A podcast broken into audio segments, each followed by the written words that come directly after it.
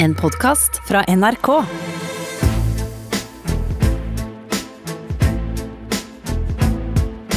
Trump mot verden med Gjermund Eriksen og Sean Henrik Matheson. Velkommen alle sammen. Jeg syns dere skal skru på kranene av følelser og sende varme, gode karmatanker til Shaun, som ligger under en svær, diger, vond operasjonskniv på et sykehus og blir operert. Og trenger all den kjærligheten og omtanken eh, vi kan få til. Og så har vi fått supertilkallingsvikar eh, Sofie til å komme. Velkommen, Sofie. Takk. Jeg er fornøyd med å være tilkallingsvikar. Er Super. Supertilkallingsvikar. Ja, Supertilkallingsvikar. superheltinne. Jeg vi hopper over der. Men uansett, folkens, det handler også om andre følelser. Det handler også om at det har kommet en kvinne inn igjen i vår podkast Liv. Eh, vår podkasts høyeste beskytter. Ta og hør her. Eh, jeg tror eh, John Paul Ringo, eller han siste, skrev noe sånt som Michelle, my belle,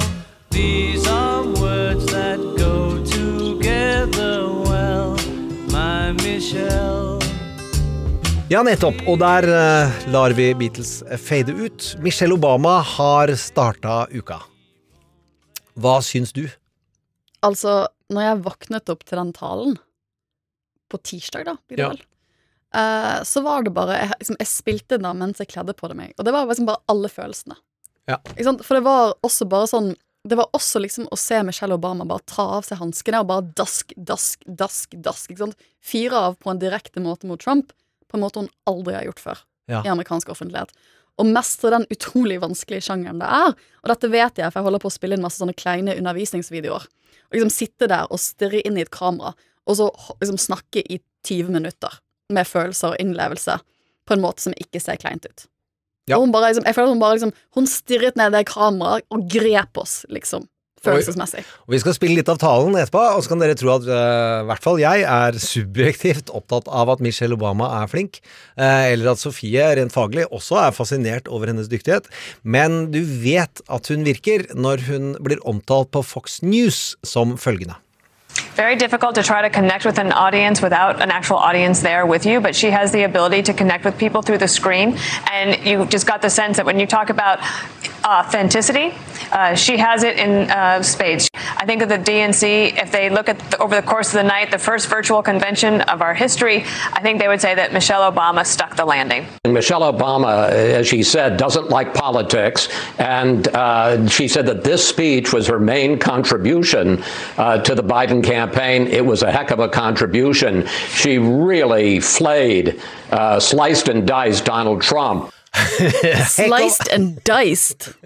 Heck of a contribution. Uansett, velkommen til Trump mot verden. Eh, Gjermund for Sean, eh, Sofie for Gjermund, og alle holder hender. Og i dag så skal det handle om mange ting eh, i en podkast som prøver å f- peke på sammenhengen mellom drama og politikk, under teorien om at folk ikke er født til å forstå statsvitenskap, men du er født til å forstå drama. Og all stor statsvitenskap, vet du hva det er? Stort drama. Påstand. Vi går videre. Eh, til dagens litt sånn setup. Det er konvent. Det er en av de store eventene, de store hendelsene som skjer i løpet av en presidentkampanje. Det skal velges, selv om det er allerede valgt, eh, den som er deres hovedsoldat, deres gladiator, som skal kjempe mot den andre. Eh, og det skjer over mange dager. Eh, og der jeg kommer fra, kommunikasjonsplanleggingen, ligner veldig på hvordan eh, konventer eh, planlegges i et kort løp. Du skal beregne folks følelser, du skal skape noen sentrale assosiasjoner, og ikke bare styrke én. Du skal skape noe komplekst. Du skal føle slik, du skal tenke det, og du skal føle sånn, og du skal ha det der. Og da er vi på noe som er en sammenheng mellom både kommunikasjonsplanlegging og konventplanlegging, nemlig bryllupsplanlegging. Eh, og vi må gjøre det som alle, i hvert fall halvparten av oss, drømte om å gjøre på 90-tallet, nemlig våkne opp med Hugh Grant. Oh, fuck! Fuck! Oh, fuck! Ja, dette er da lyden av fire bryllup og en gravferd. Verdens beste romantiske komedie, tror jeg. Eh, og det er ålreit romantisk anlagt. Kanskje vi kommer tilbake til det. Eh, hvor eh, Tony Curtis, forfatteren av Blackadder og Fire bryllup og Love Actually og andre store godbiter, klarer å sette bryllup helt uironisk øverst på noe av det vakreste som kan skje på himmelen. Eh, i, den I det tiåret hvor ironien sto høyest i kurs. Amatøren som har på mobilen, sier vi er Sofie. Vi går videre. Jeg skrur av lyden. Uansett. Eh, den filmen er altså en planlegging av hendelser, mm. og hvor eh, for eksempel The Best Man Speech er en måte å komme innom veldig mye følelser på kort tid. La oss høre hvordan Hugh gjorde det, og så ta, la lista høyt for alle forlovere der ute i verden etter det. There are just one or two little things I feel I should say as best man. This is only the, the second time I've, I've ever been a best man. I, I hope I did the job all right that time. The couple in question are at least still talking to me. Uh, unfortunately, they're, they're not actually um, talking to each other. The, the, the divorce c- came through a couple of months ago. but uh, I'm assured it had absolutely nothing to do with me. Apparently, Paula knew that Piers had slept with her younger sister before I mentioned it in the speech. anyway, enough of that. Um, my job today is to talk about Angus, and uh, there are no skeletons in his cupboard. Or so I thought. I- I'll come on to that in a minute. I, I would just like to say this. Um,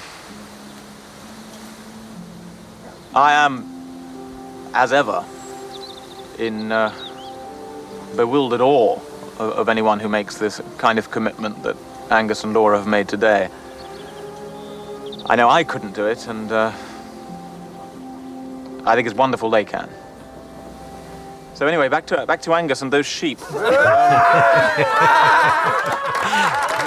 Eh, Vi tar verdens beste vits om sauer ved en annen anledning. Eh, tilbake til firebryllup. så ser du der at han starter med humor, så går han inn til og klarer å vippe folk ut med humor og plassere uironisk hvor viktig kjærlighet er. Og i den filmen så går man gjennom flere av den type ulike stemninger, og grunnen til at den huskes og spilles mer enn alle andre, er også fordi den klarer å gå ned i mørket og finne motivasjon til hva kjærlighet kan også være når du har mista den. Og der skal vi høre en fantastisk skotte, en bikarakter. Bi og bi. Han er homo. Den vitsen satt. Vi går videre. Uansett så eh, har han mista sin kjære og skal holde en tale i begravelsen, og han eh, har ikke flere ord. Perhaps you will forgive me if I turn from my own feelings to the words of another splendid bugger. W.H. Auden. This is actually what I want to say. Stop all the clocks. Cut off the telephone. Prevent the dog from barking with a juicy bone. Silence the pianos and with muffled drum bring out the coffin. Let the mourners come. Let the aeroplanes circle moaning overhead, scribbling on the sky the message He is dead. Put crepe bows round the white necks of the public doves. Let traffic policemen wear black cotton gloves. He was my north, my south, my east and west, my working week and my Sunday rest, my noon, my midnight, my talk, my song. I thought that love would last forever. I was wrong. Og det var eh, skotsk, så min fishcall Wanda der hjemme er fornøyd. Vi går videre ukommentert. Eh, dette konventet, som er det første vi skal snakke om i dag, eh, har vært flere og mye rikere opplevelsesmessig for meg, ja, slik jeg prøver å lese det som fagmann også. Hva syns du? Ja, det er jo et veldig spesielt konvent, eller det vi i Norge fort ville kalt et landsmøte. For det er jo, liksom, dette er jo deres landsmøte, For det si. kan være tørt. Det kan være, altså, Jeg er jo medlem av Venstre, har vært på en del landsmøter. Jeg har det sett det, del på TV. Ja, Det kan være litt tørt. Men i år så går landsmøtet vårt Det blir nok ikke tørt i år. Vi tar en uken. egen podcast om ja, det. Det kan vi snakke om en annen gang. Men, men det er litt tørt. Men, men, og, men denne gangen har man også den ekstra utfordringen at man eh, prøver å koordinere digitalt landsmøte, hvor folk til dels sitter hjemme i stuene sine og holder sine taler. Mm. Og man prøver å regissere dette, og man har heldigvis kuttet ned tiden, så det har liksom vært to timer cirka Mm. av hovedprogrammet da, hver kveld. Som har timet sånn i åttetiden amerikansk tid, sånn at folk skal skru på TV-en og se på. Jeg syns det har vært mye flink der. Eh, Dette skal vi komme tilbake til. og Vi skal gå gjennom en del av de ulike typer opplevelsene. Vi får jo ikke gått gjennom alle, men eh, hold dere fast, folkens. Vi skal gjøre landsmøtet spennende! og så skal vi snakke om Høyesterett. Eh, Det er en del spørsmål jeg har dødd etter å få svar på fra Sofie, av mange grunner. Det kommer vi tilbake til. Og så skal vi snakke om modell av, med en gjest som kan eh, mer om modell. Det skal ikke så mye til enn Gjermund Eriksen. Så jeg pleier vi å gå gjennom noen godteribiter. Man har alltid prøvd å lage en sang om hva Donald prøver å gjøre.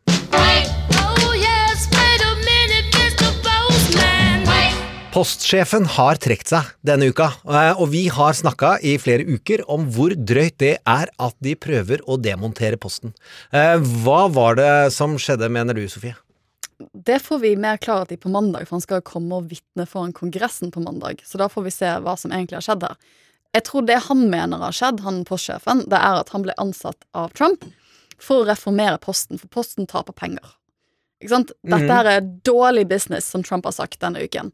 Eh, og fordi de taper så mye penger, så skal de skalere og slanke Posten. Mm. Problemet er bare at i år så er plutselig postsjefen i USA kanskje den viktigste valgfunksjonæren landet har. Mm. Og da er det litt vanskelig å slanke ned. Og når den sjefen din, eller presidenten, har sagt at han vil ødelegge Posten så folk ikke får stemt, eh, og sagt det eksplisitt, så er det vanskelig.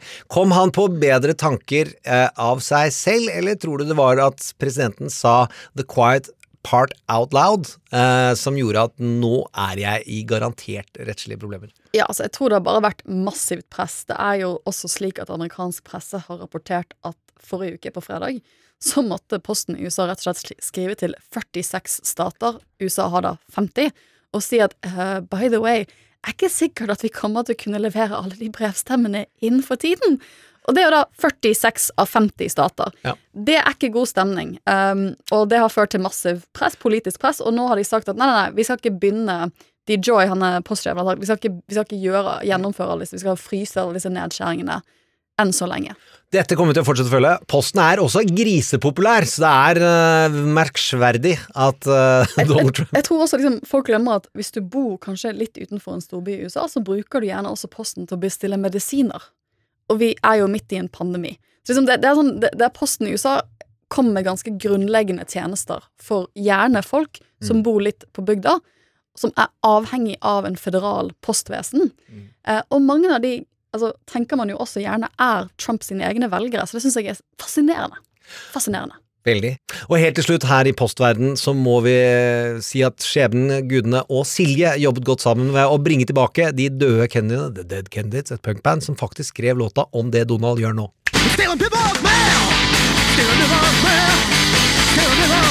Eh,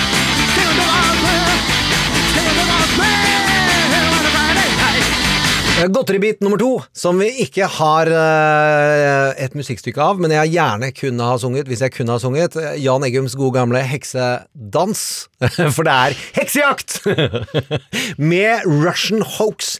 Forrige uke, på fredag, så kom rapporten fra Senatet om hva som skjedde eh, med russisk påvirkning av valget, og det var en over 1000 sider lang kanonade mot Trump-kampanjen, hvor det er altså sittende republikanske senatorer.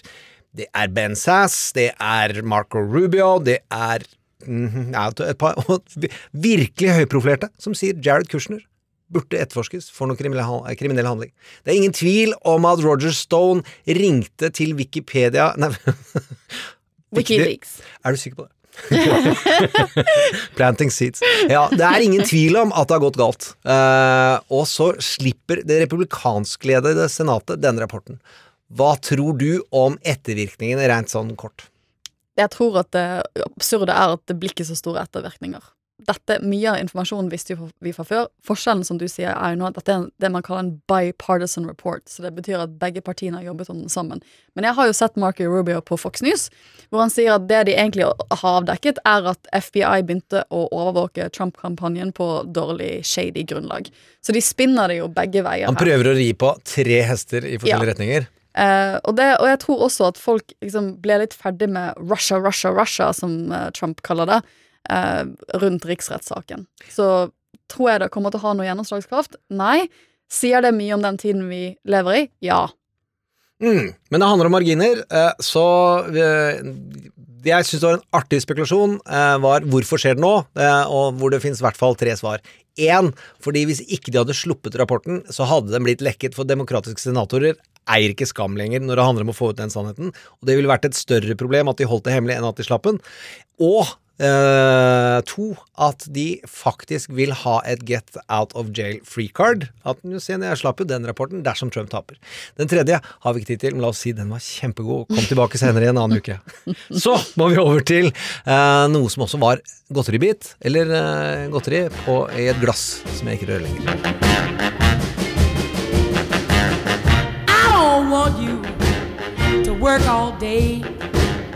Fordi Coca-Cola har fulgt oppfordringen til en utrolig kul kvinnelig komiker om at gi folk fri på valgdagen. Hva syns du om det? Det er veldig spennende, for dette er jo noe særlig demokrater, da. Og Sarah Silverman er jo eh, medlem av Det demokratiske partiet. For å si det forsiktig. For å si det forsiktig. Um, han snakket om lenge, og det er at man ønsker å gjøre valgdagen til en nasjonal helligdag, sånn at folk har fri og kan gå og stemme. Mm. For tanken er at det er ganske mange, særlig skiftarbeidere, som kanskje jobber turnus, som kommer til å ha problemer med å rett og slett komme seg til et valglokale på valgdagen og få stemt, for man får ikke fri fra jobb. Det får vi for så vidt heller ikke i Norge, men jeg tenker at i Norge så har vi ofte mye bedre forhåndsstemmingsmuligheter. Og ofte to dager. Og ofte to dager. Ikke sant? Man kan stemme på søndag i Oslo Mm. også. I Så- et, I et sånn stort, stort perspektiv så tror jo jeg og flere at Coca-Cola gjør dette fordi vinner Trump valget, så er Coca-Cola henger så på USA og den amerikanske drømmen at salget går ned. Det viste seg jo under Bush at eh, McDonald's og Coca-Cola og en del sånne sleit merkevaremessig, så jeg tror også det ligger en liten sånn forretningsstrategi bak der. Så vi ser hvem andre som hiver seg på. Da skal vi jo tilbake i bryllupsmodus, og hva kan bringe oss mer i bryllupsmodus eh, og finne ut av hva som står på spill, enn å invitere de to sangerne med kassegitar fra Fire bryllup og en gravferd, som fikk oss alle til å lyst til å hive i oss mer brennevin og komme oss vekk derfra, slik Hugh Grant også følte her. I can't smile without you. Can't smile without you. I can't laugh and I can't sing. I'm finding it hard to do anything. You see, I. Eh, Ja, det er uh, sangen sin uh, som passa her og aldri mer. Nå skal vi starte et konvent, uh, og jeg tror vi begge mener at alle tenkte riktig når vi starta det med Michelle Obama. Eh, Vi skal ikke spille hele talen, det kan dere finne på Facebook-sida vår, men hør her hvordan hun lander punchen. So let me be as honest and clear as I possibly can. Donald Trump is the wrong president for our country.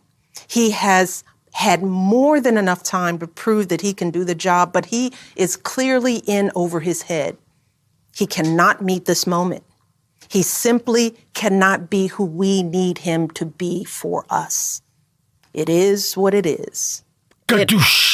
It is what it is. Og det hun spiller på der, han sier folk, da, det er det Axios-intervjuet som Trump gjorde for noen uker tilbake, hvor han fikk som spørsmål sånn oppfølgingsspørsmål Tusen mennesker dør om dagen, og så sier han at det er sånn It is what it is.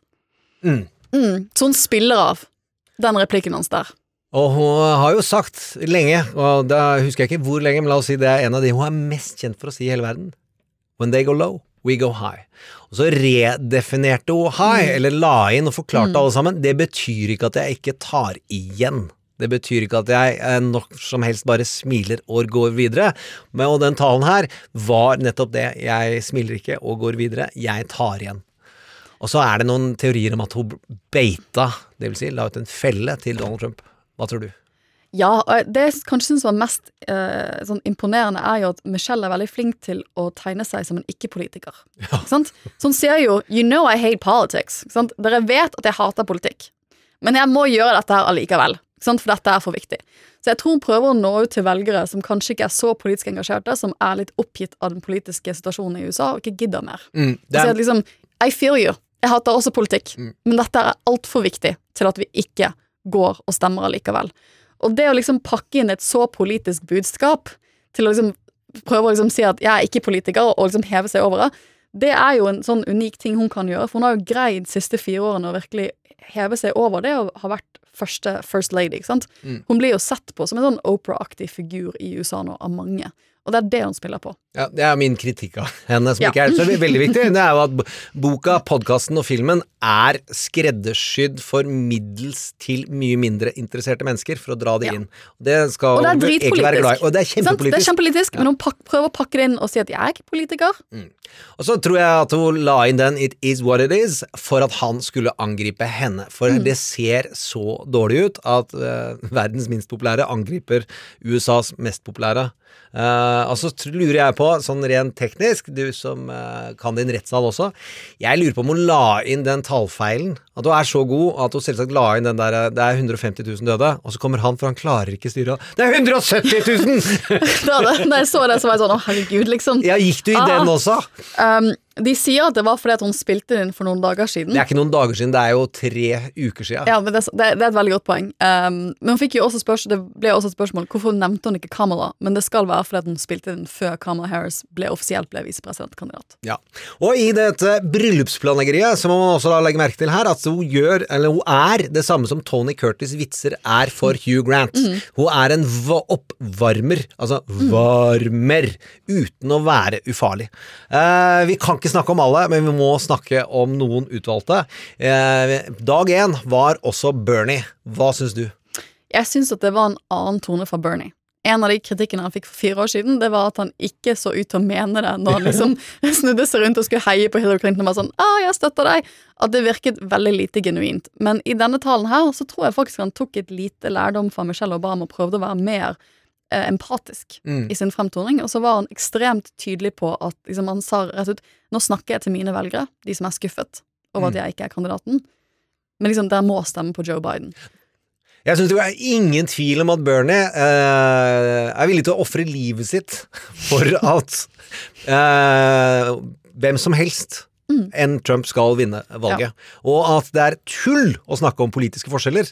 Eh, og det var tema for dagen. Har eh, Disse er ordentlige bryllupsplanleggere, så de har jo sånn powerpoint med tema for dagen hver mm. eneste dag. Jeg husker ikke alle, men den dagen var unity. Altså venstresiden skulle inn. Ja. Eh, og jeg, jeg bet meg også merke at uh, han har mye håndbevegelser.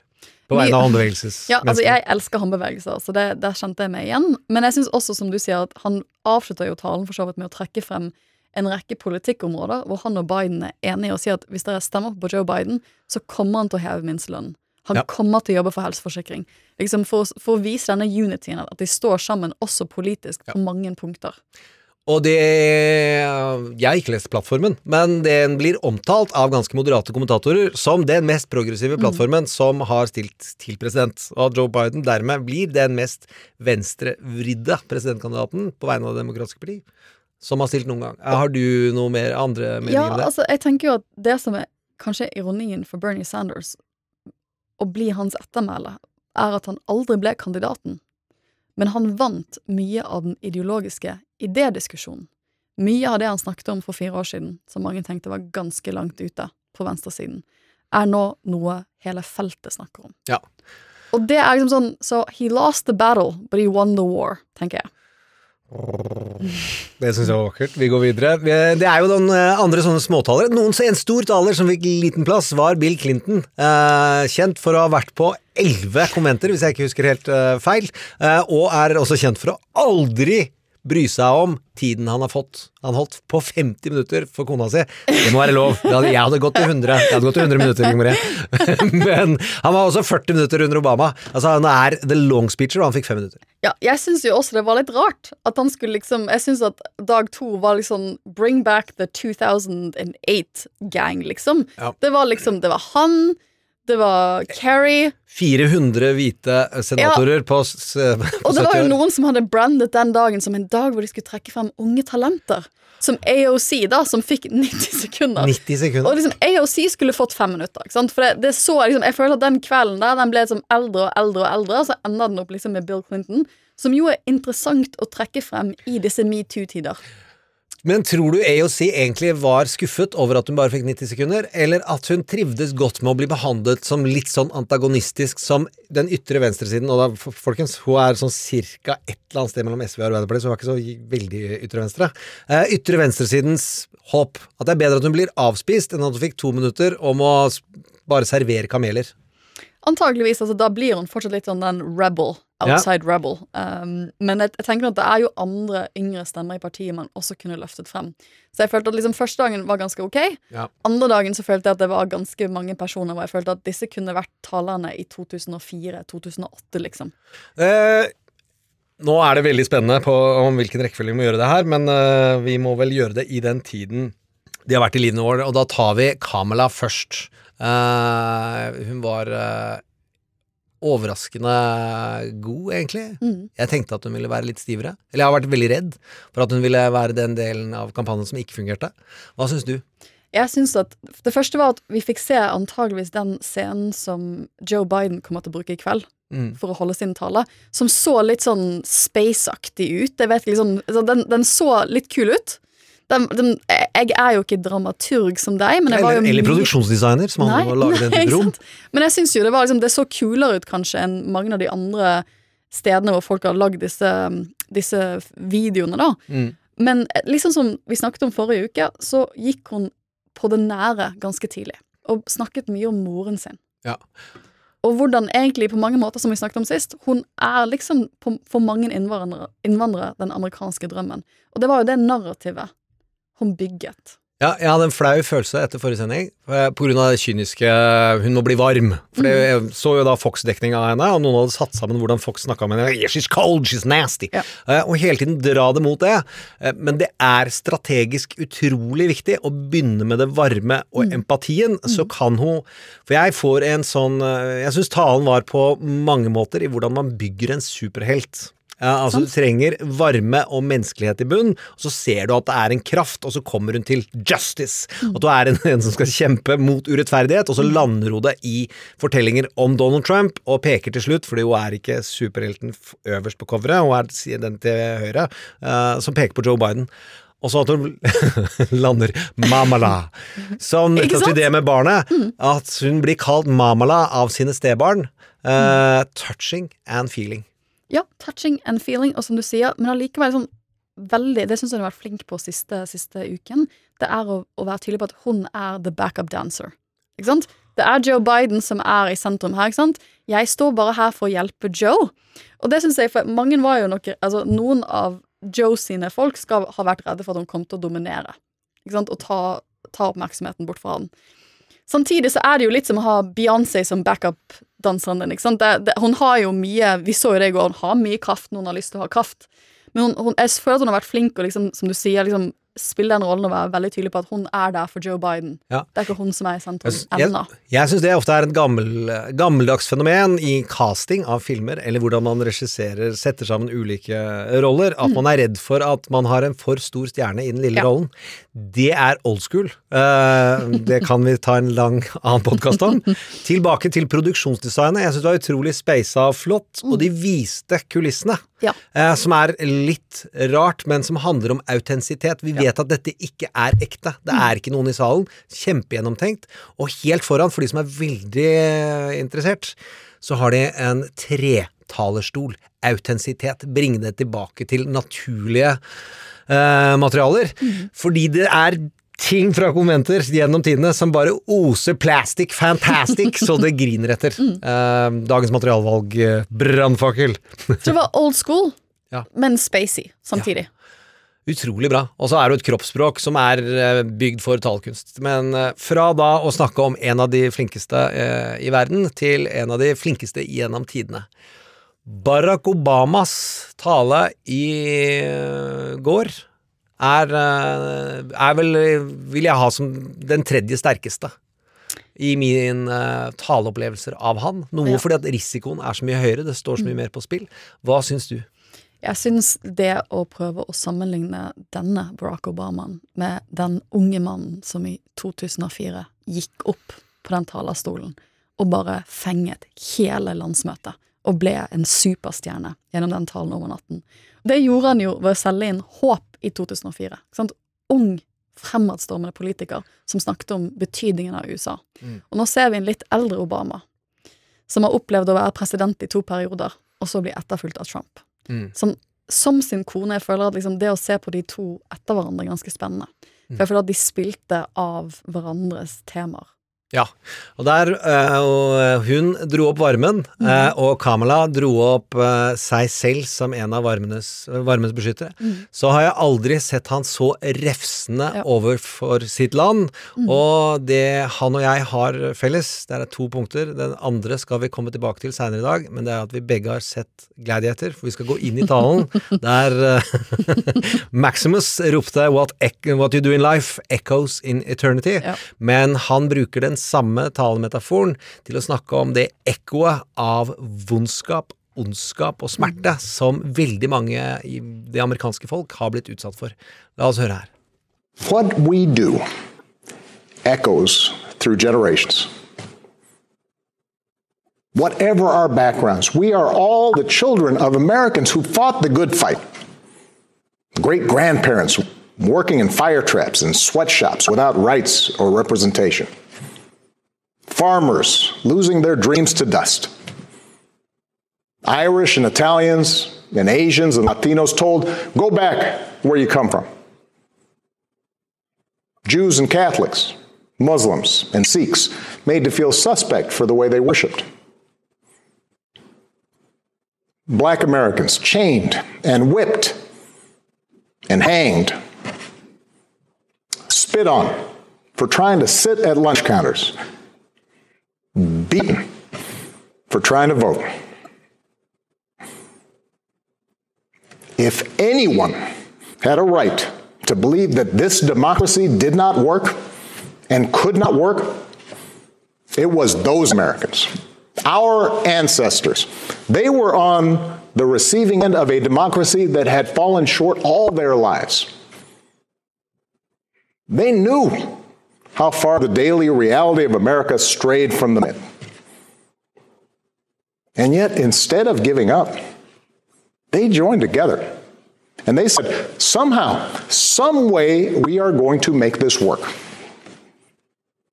We are going to bring those words in our founding documents to life. Ja, altså, jeg, jeg hørte på den i dag tidlig, for vi spiller jo den på torsdag. Ja, dessverre, så vi det- kommer ikke til å snakke om Det Biden. var det første jeg gjorde når jeg sto opp, så samboeren min syntes det var veldig, veldig romantisk og fint å se på Obama, liksom, som første morgenkos. Men um, uh, jeg syns at dette var en tale hvor han var sint, men behersket sint, og viste det. Og han valgte jo også en utrolig historisk plattform. Han valgte rett og slett å gå tilbake til den amerikanske grunnloven er skrevet, og liksom linke opp de ordene han sa i går, til de idealene som var i den amerikanske grunnloven. Og som han sier innledningsvis, de idealene, og den grunnloven var ikke perfekt, men det er alle de folkene som han snakket om i dette klippet, som har ofret ting for landet vårt når det ikke var et perfekt land. Det er de vi skal hedre. Det er de vi skylder å jobbe i dag for demokratiet. Grunnloven ble skrevet mens det var lov å ha slaver, og kvinner ikke kunne ha stemmerett.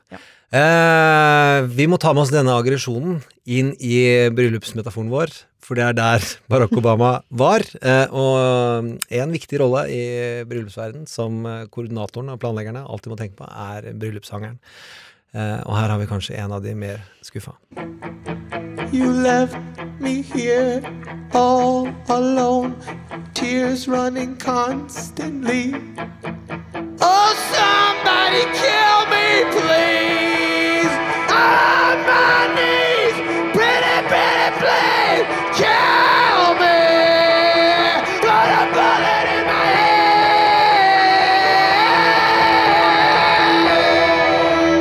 Ja, og der eh, var vi ferdig med et lite øyeblikk i Wedding Singer-filmen. Eh, da må vi over til uh, Høyesterett relativt kort. Men hva er det viktigste, Sofie, Høyesterett må nok ta stilling til denne høsten?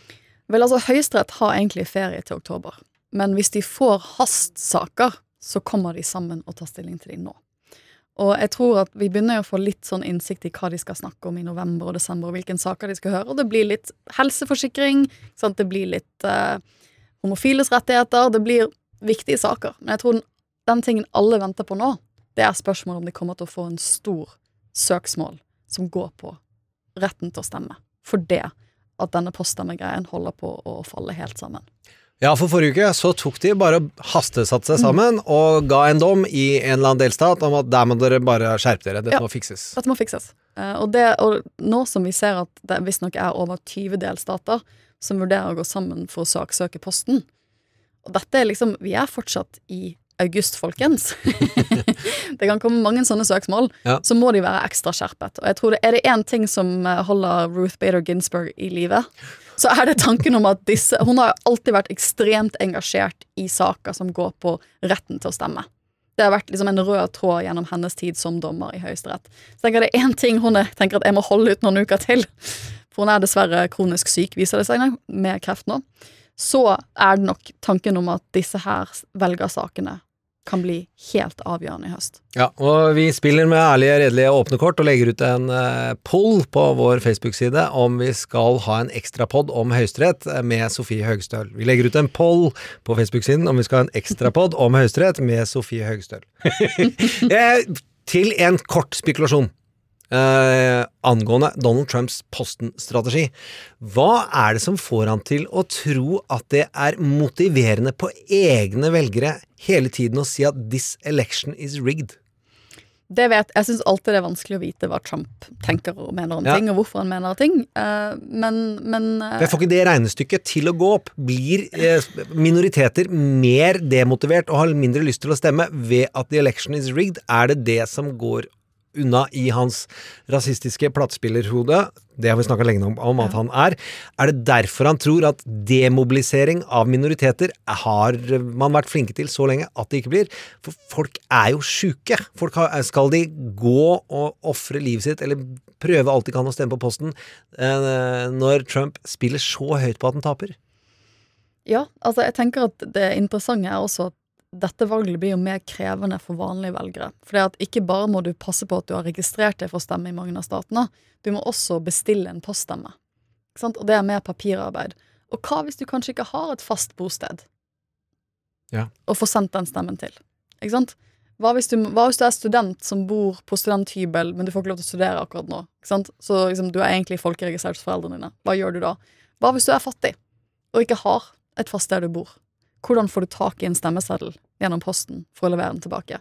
Og Hvis du da hører mye om at dette kommer til å være rigget uansett, og så hører du mye nå på nyhetene om at kanskje ikke stemmeseddelen kommer frem, selv om du gjør alle tingene her og sender inn tidlig, bruker du tid på det?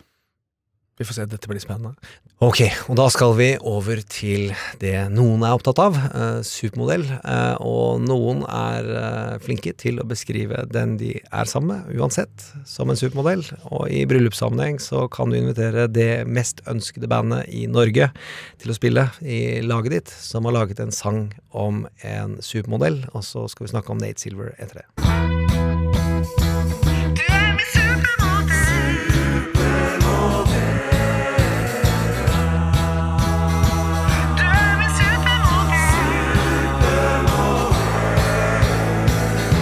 Og det var eh, Lars Lillo eh, og gjengen Stenberg.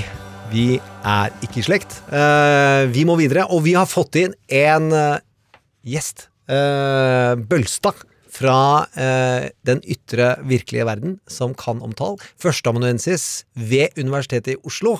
Eh, og begynte på Blindern på mandag. Gratulerer. Ja, takk for det. Ufordragelig ung til å være førsteamanuensis, noe som begynner å bli en recurring thing med gjester i vår podkast. Men det, det føles veldig godt at man kunne vært foreldrene til de som er førsteamanuensiser. Ja, men det, det er et kompliment. Uansett, eh, du kan tall, og du kan meningsmålinger, og du kan da modeller. Og vi har haussa opp det over lang tid. Så, men skal vi, hvor skal vi begynne, Sofie? Oh, jeg vil gjerne begynne med et spørsmål som jeg får veldig ofte, men føler jeg ikke kan svare på på en god måte med min lille begrensede jusshjerne. Og det er hvor feil tok egentlig meningsmålingene for fire år siden? Ja, det er et veldig godt spørsmål. Um, og man kan jo si de aller, aller fleste tok eh, ganske mye feil. Uh, de følte seg veldig sikre på at Hillary kom til å vinne dette her. Um, men så er det sånn at man kan bruke den type data på mange måter. Eh, det mest naive man kan gjøre, er jo bare å ta et gjennomsnitt og anta at det gjennomsnittet er Så veldig gjennomsnitt av meningsmålingene, liksom. Nei, av én meningsmåling. Ja. Og bare bruke det og tro at dette er et godt tall, eh, det er ganske naivt. Eh, men så kan man jo man kan ta et gjennomsnitt av flere målinger. Det er litt bedre. Eh, det er det Real Clear Politics gjør. Mm. Eh, så det er i hvert fall Så de, liksom, de legger alle liksom, meningsmålinger som blir gjort inn, og så tar liksom gjennomsnittet for det. Ja. Og da får de bedre tall. For jeg skjønner at her er det dårlige tall, altså mindre gode tall, og, gode, og bedre tall. Ja. Um, og så er det enda bedre. Men, uh, men det å ta et gjennomsnitt er i hvert fall uh, litt mer fornuftig. Da bruker man litt mer data. Um, men det beste man kan gjøre, er jo faktisk å bygge en meningsfull modell uh, hvor man tar med alle dataene man har, og prøver å modellere verden sånn som man tror den er. For, å, Gjennom tall. for, for å kombinere dataene på en god måte. Og da begynner man å komme nærmere gode resultater. For det er, der er det en forskjell som Nate Silver gjør, kontra, kontra eh, Real Clear Politics. De tar et rent gjennomsnitt, mens han vekter for house effects. Og det er bare et setning jeg har lært meg. Hva betyr det? Eh, så saken er at det finnes mange ulike firmaer som driver med meningsmålinger. Eh, og de kan selvfølgelig gjøre det på ulike måter. eh, og de kan nå frem til ulike typer velgere. De kan ha ulike problemer i måten de gjør dette her på. Um, og det betyr at over tid så kan man se at kanskje ett firma overestimerer støtten til eh, Trump, f.eks. Uh, noen undervurderer den. Avhengig av hvilke metoder de bruker og hvilke feil de gjør. Eh, så kan man prøve å estimere dette her for hvert firma. I hvilken stor grad bommer dette firmaet, eh, eller overvurderer eller undervurderer dette firmaet støtten over tid. Hvordan gjør de det? Eh, da, da spesifiserer man en modell som tar med en såkalt parameter for hvert firma, eh, som da ser i hvilken grad gjennomsnittet for eh, resultatene fra det firmaet varierer, eller varierer fra de, andres, de andre firmaene. Da. Uh, ja. Nettopp. Og det kan man gå inn og se på på 538 sin rating. De rater alle sammen. Altså, De gjør to ting. De, de vurderer kvaliteten på det hvert firma driver med, så de gir de en slags karakter, og så bruker de den karakteren. Men så i tillegg så uh, så estimerer de house-effektene også, da. Eh, Så de gjør egentlig to ting, og så bruker de begge disse til å vekte eh, ja, resultatene fra hvert firma.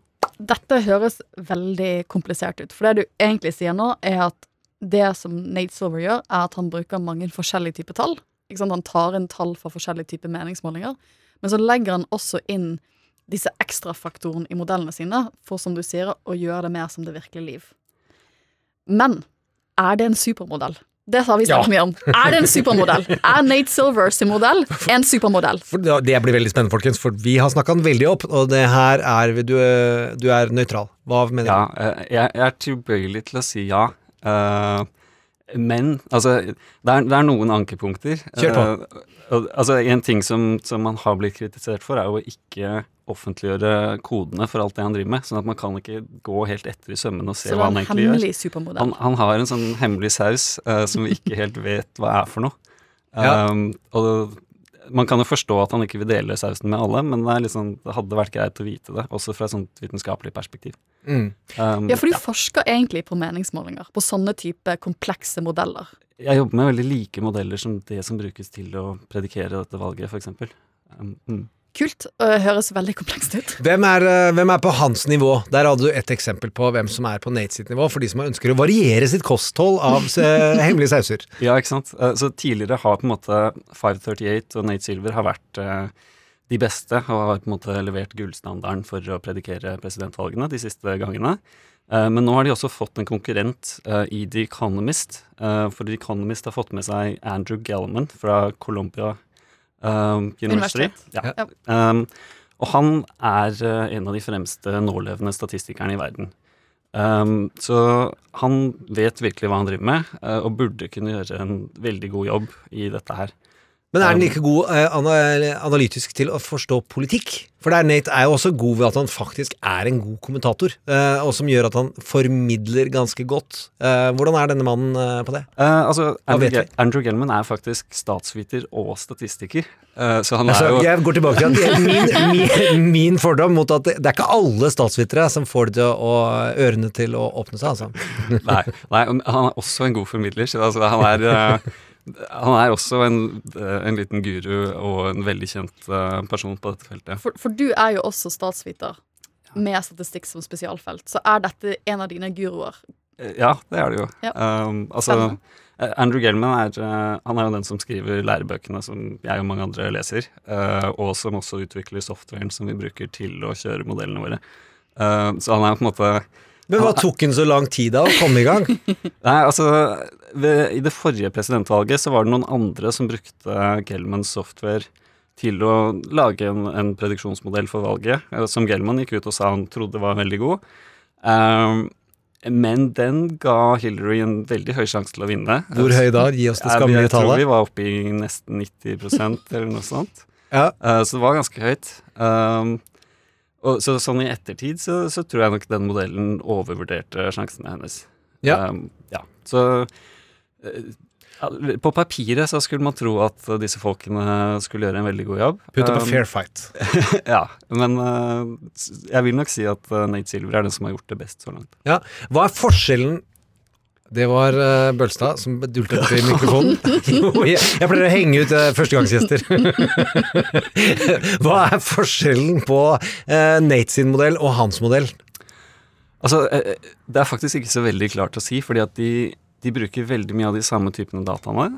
De gjør mye av det samme. Sånn, I det store og hele så har de en ganske lik tilnærming. Men så ender de faktisk opp med ganske ulike resultater allikevel. Eh, Akkurat nå så gir uh, så gir eh, Nate Silver og 538 Trump en sjanse på uh, oppimot 27? Ja, 27 Det er bra du husker det. Uh, mens eh, altså The Economist gir en ganske mye lavere sjanse. Jeg tror det er en 13% eller noe sånt i dag. Mm. Så det er en ganske betydelig forskjell. Og både Gelman og Nate Silver har på ulike tidspunkt uttalt at enhver god modell burde gi ganske like resultater. Altså hvis man har Ja, ja. gode modeller. Det er det. og så, så har de hver sin modell som gir ganske ulike resultater. Så det er klart begge vil nok nå si at den andre har gjort feil.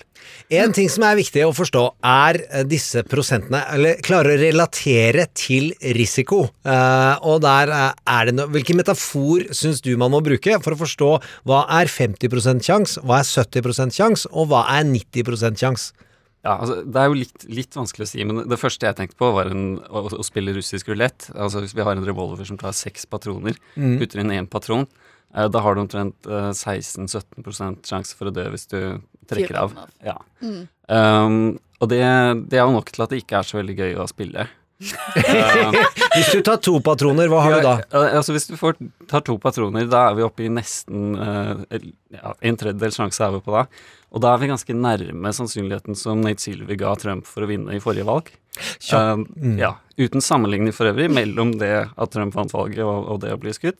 Ja. Men, ja, men, men det er ganske lik sannsynlighet. Men, men det du sier nå, at vi er egentlig oppe i en sånn to kule-sjanse for at Trump vinner, eller under. Én kule, to kule. Ja, vi er rundt der. Ja. Mm. Mm. Så når 70% da tenker jeg det som Det er en utrolig jevn fotballkamp i øverste halvdel av uh, kupongen. Jeg er fra gamle dager, jeg driver ikke og følger fotball akkurat nå. Men det er en jevn fotballkamp det ikke er sikkert hvem som vinner. Ja, det er jo for så vidt det. Ja. Uh, og, og da er vi jo igjen også ganske på samme nivå som, som vi så i forrige valg med prediksjonene fra 538. Um, og, det- og det betyr jo egentlig bare at det var såpass uklart at man kunne egentlig ikke si veldig sikkert hva som kom til å skje. Hvordan klarer de å ta hensyn for, uh, til korona uh, i disse modellene sine? Det lurer jeg på. Ja, altså det, det er jo et spørsmål, for man kunne jo tenkt seg at, uh, at man bare brukte modellen igjen, den man hadde brukt sist. Fordi at alle modeller skal jo på en måte ta høyde for uforutsette ting til en viss grad. Eh, så sånn umiddelbart ville jeg tenkt ok, kanskje man bare kan egentlig ikke ta hensyn til det, og bruke de faktorene man har, og satse på at det går fint. Eh, men Nate Silver har jo da en, en eh, tanke om at man bør faktisk legge inn noen ekstra faktorer og noen ekstra, noe ekstra usikkerhet her, så de har jo gjort flere ting for å prøve å justere modellen sin i lys av dette. Og da har jeg et spørsmål. For vi snakker jo om forskjellige typer tall. Og jeg skjønner at liksom, disse modellene først og fremst de bruker liksom meningsmålinger. Det er noen tall. Men så sier du at de legger inn faktorer og andre typer tall. Hva er det vi snakker om da? Eh, så vi snakker jo ofte om økonomien, eh, som blir antatt å spille en veldig stor rolle eh, i valg generelt. Eh, det er en stor litteratur som prøver å predikere presidentvalg basert på økonomien. Så man, liksom, man tar meningsmålingene, og så legger man til en sånn, sånn type økonomifaktor. Da, for å si at ok, Hvis økonomien er veldig bra, for eksempel, så tjener jo det sittende president. da. Er det sånne type ting vi snakker om når du sier sånn legge til faktorer? Ja, så det er jo, det er jo Økonomien er én stor viktig faktor. Blir i hvert fall antatt å være det. Eh, en annen er jo hvem som allerede sitter med makten. Altså En sittende president får jo vanligvis en stor bonus av velgerne. Altså Man har en slags eh, Kanskje fordi man har en. Incumbency-fordel. Ja, en, en navnegjenkjennelse kanskje. Man har muligheten til å være i mediene hele tiden og sånne ting. Eh, som tydeligvis gir en, en fordel, så presidenter blir jo vanligvis gjenvalgt. Um, Så det er jo en annen faktor som, som tas med. For det er vel en av de tingene Nate Silver har sagt, at han tror at det, at det er 28% Det er snakk om at det er liksom den fordelen du har da til dels. Mm. Ved at, Mm. liksom, Forrige gang var han the challenger.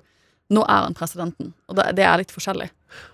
Hva er, det, hva er de to største mytene du vil til livs om meningsmålinger i amerikansk valgkamp? Altså, jeg, dette er jo ikke en myte, men det er klart eh, den store utfordringen med å måle dette her, er at man vet jo ikke hvem man når frem til. eh, om, man, om man faktisk dekker alle, eller om noen grupper faller ut, osv. Uh, og sist var det jo kanskje et tema at Trump-velgerne i mindre grad svarte, eller i mindre grad eh, svarte ærlig og sånne ting. Ja, for det, dette er jo noe jeg har hørt snakk om, at liksom, for meningsmålinger så ringer man jo ofte, ikke sant? Og hva hvis Jeg har jo ikke hjemmetelefon, eksempel. Jeg tror mange unge ikke har det. Aldri har hatt det. Kommer ikke til å ha det i fremtiden heller. ikke sant? Og hvordan når du da frem til folk? Nei, nettopp. Så, så et spørsmål er jo har de telefon, et annet spørsmål er har de internett. Mm. Eh, et tredje er har de tid i det hele tatt, svarer de noen gang ukjente som ringer. Eh, og hvis de faktisk tar telefonen osv., svarer de da ærlig, eller vil de ikke si hvem de egentlig skal stemme på? Um, og kanskje har de ikke bestemt seg ennå heller. Så det er jo veldig mange faktorer som, som er problematiske her. Mm. Uh, og med en gang de faktorene varierer systematisk, sånn at én gruppe har en høyere tendens til å ikke svare osv., så, videre, så så har vi et stort problem. Uh, og man kan til syvende og sist ikke fullstendig vite hva, hva skjevheten som resulterer av dette er heller, fordi at vi Mm. har jo ikke de dataene. Uh, så dette er jo et fundamentalt problem som egentlig er veldig vanskelig å komme rundt. Helt til slutt da. Hvorfor syns vi meningsmålinger å referere til denne type modeller i nyhetsdekning, vi kaller oss det i denne podkasten også, eh, i hvert fall forholde oss til hvordan går det i valgkampen, hvorfor er det et viktig bidrag? Altså det, er klart, det gir jo en viss informasjon, en pekepinn på hvor en kandidat står eller ikke. Altså Viser en meningsmåling en stor, stor fordel for Biden, så er det kanskje noe i det. Eh, men så har vi en uvane med å kanskje lese for mye inn i enkeltstående meningsmålinger, og i små endringer fra én meningsmåling til en annen, eh, som ofte kan være helt tilfeldige, osv. Um, eller kanskje de til og med blir utført med ulik metode av ulike selskaper som stilte et litt annet spørsmål, som gjør at du egentlig ikke kan sammenligne i det hele tatt. Ja, for jeg har sett at Denne uken så har det vært veldig mange som har reagert på sånn CNN-poll, hvor det plutselig er mye mye, mye jevnere mellom, mellom Biden og Trump. Og det er litt det du sier, at Man kan ikke bare lese så mye inn i en sånn enkeltstående meningsmåling. Ja. Nei, så, så vi har en, uva, en uvane med dette her, å rett og slett lese for mye inn i ting. Ja. Uh, men det er klart, det er jo også veldig gøy å lage overskrifter og si Hei, hei, hei. Her skal du være sikker på at du skal begynne på Blindern, og ikke bare gå rett inn i Jeg sensurerte den avisen som driver med clickbaits aller mest. Det rimer på Jeg tør ikke røpe det.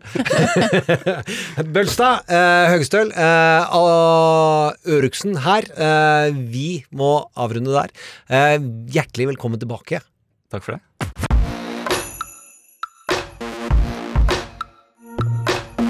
Trump mot verden. Ok, Sofie. Da er det Biden sin tale i natt. Eh, og så lenge den sitter sånn tålelig, så møtes vi ikke igjen før eh, neste konvent, i hvert fall. Eh, da republikanerne skal i gang. Tror du, hvordan tror du det kommer til å gå? Jeg tror det blir veldig spennende å se om de lærer noe av de gode tingene og dårlige tingene som demokratene har prøvd denne uken, for de har jo måttet prøve først. Og hvordan de legger opp sitt program. Ja. Jeg uh, har bare hørt et lite løfte om at Donald Trump skal tale hver dag. så det er noen som bare leverer. Uh, folkens, finn oss på Facebook, Trump mot verden. Der legger vi ut uh, interessante artikler og det vi syns er moro fra begge sider av kampanjene. Og send oss gjerne en e-post hvis du har noen spørsmål til trump at nrk.no. Eh, og til slutt så pleier jeg nå å bli plaget av Sean om at nå skal jeg lage en avslutningsscene. Og det eh, som er da scenen som starter en TV-serie om Trump mot verden, eh, som vi har fått 10 milliarder til. Eh, og der tenkte jeg å ta tak i nettopp det jeg og Obama har hatt felles, nemlig at eh, det tok litt tid før min kjære sa ja til å gifte seg med meg. Tus, tusen fuckings spørsmål gjorde det. Og uh, myten skal holde til at det sleit Obama med. Og hvis denne serien ikke kom på lufta før etter at Trump tapte valget, så skal vi gå litt mer for en sånn romkom-sjanger. Så tilgi meg, folkens. Uh, skal vi se her åssen det går. Og så er jeg Barack Obama og hans venn Eric. Eh, og så går vi litt inn og ut av norsk og engelsk, men det er fordi du er her. det er helt vanlig med Sofie. Ok. Uh, vi ser Barack Obama og Eric uh, går. Det er mørkt, og det er seint på kvelden, og Obama er ung. Og han bærer en svær koffert. Og Eric spør hele tiden hva, hva er for noe med den kofferten. It's not a, it's not a suitcase. Hva er, det, hva er det for noe med den kofferten? It's not a suitcase. Ja, hvorfor er du så irritert? Michelle, vil ikke Hun sier nei hele tiden. Hva, hva er det vi skal, da? Shut up! Just stand here. Hva, er, hva er det her for noe? Og så hører vi litt lyd. Tunk, tunk, tunk. Og så åpner han kofferten, og så løfter han opp. What's this? It's a tambourine. Hva? Det er en tamburin? Yes, I had a vision. Jeg hadde en visjon. I mean a dream. A Norwegian woman visited me in a dream. And she said, the true path to a woman's heart is through the Scottish language. Scottish language? Yes, like Sean Connery. What? And she gave me a song. She was from the future. And we're now going to sing it. Hva? Here, this is Michelle's window, and we will proclaim our love with this song. And I'll do this. Lyden av gitar. Guitar, join me.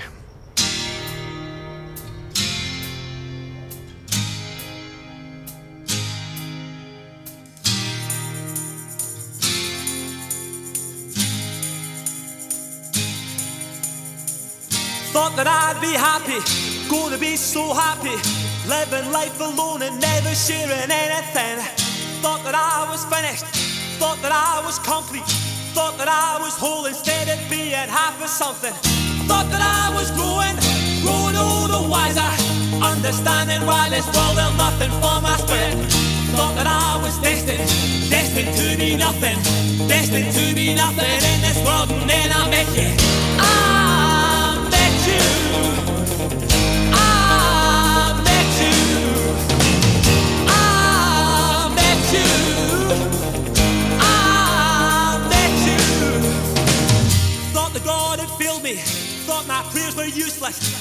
That He would never give the chance for me to Him. Thought the book was written. Thought the game had ended. Thought the song was sung and I could never sing another. Thought the faith was misplaced. Thought the back was broken. Broken by a weight that I was never fit to carry. I thought I knew the city. Thought I knew all about it. And then one night I went to morning sight and you were waiting. I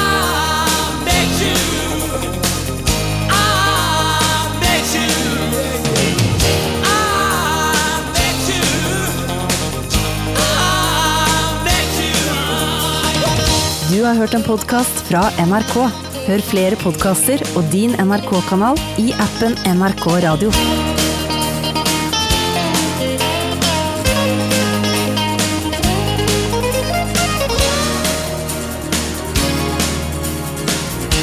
Transmission med Espen Omdal. NRK P13. Lyden av 80-tallet hører du overalt i musikken som lages i dag. I Transmission på NRK P13 blir du bedre kjent med 80-tallsartistene som lagde musikken som har inspirert mange av vår tids største artister. Og så får du vite litt om hvorfor musikken deres låter akkurat som den gjør. Transmission hører du hver søndag og lørdag klokka 12 på NRK P13 og i NRKs radioapp på nett og mobil, hvor du finner over 170 Transmission-programmer som du kan høre på akkurat når det passer for deg.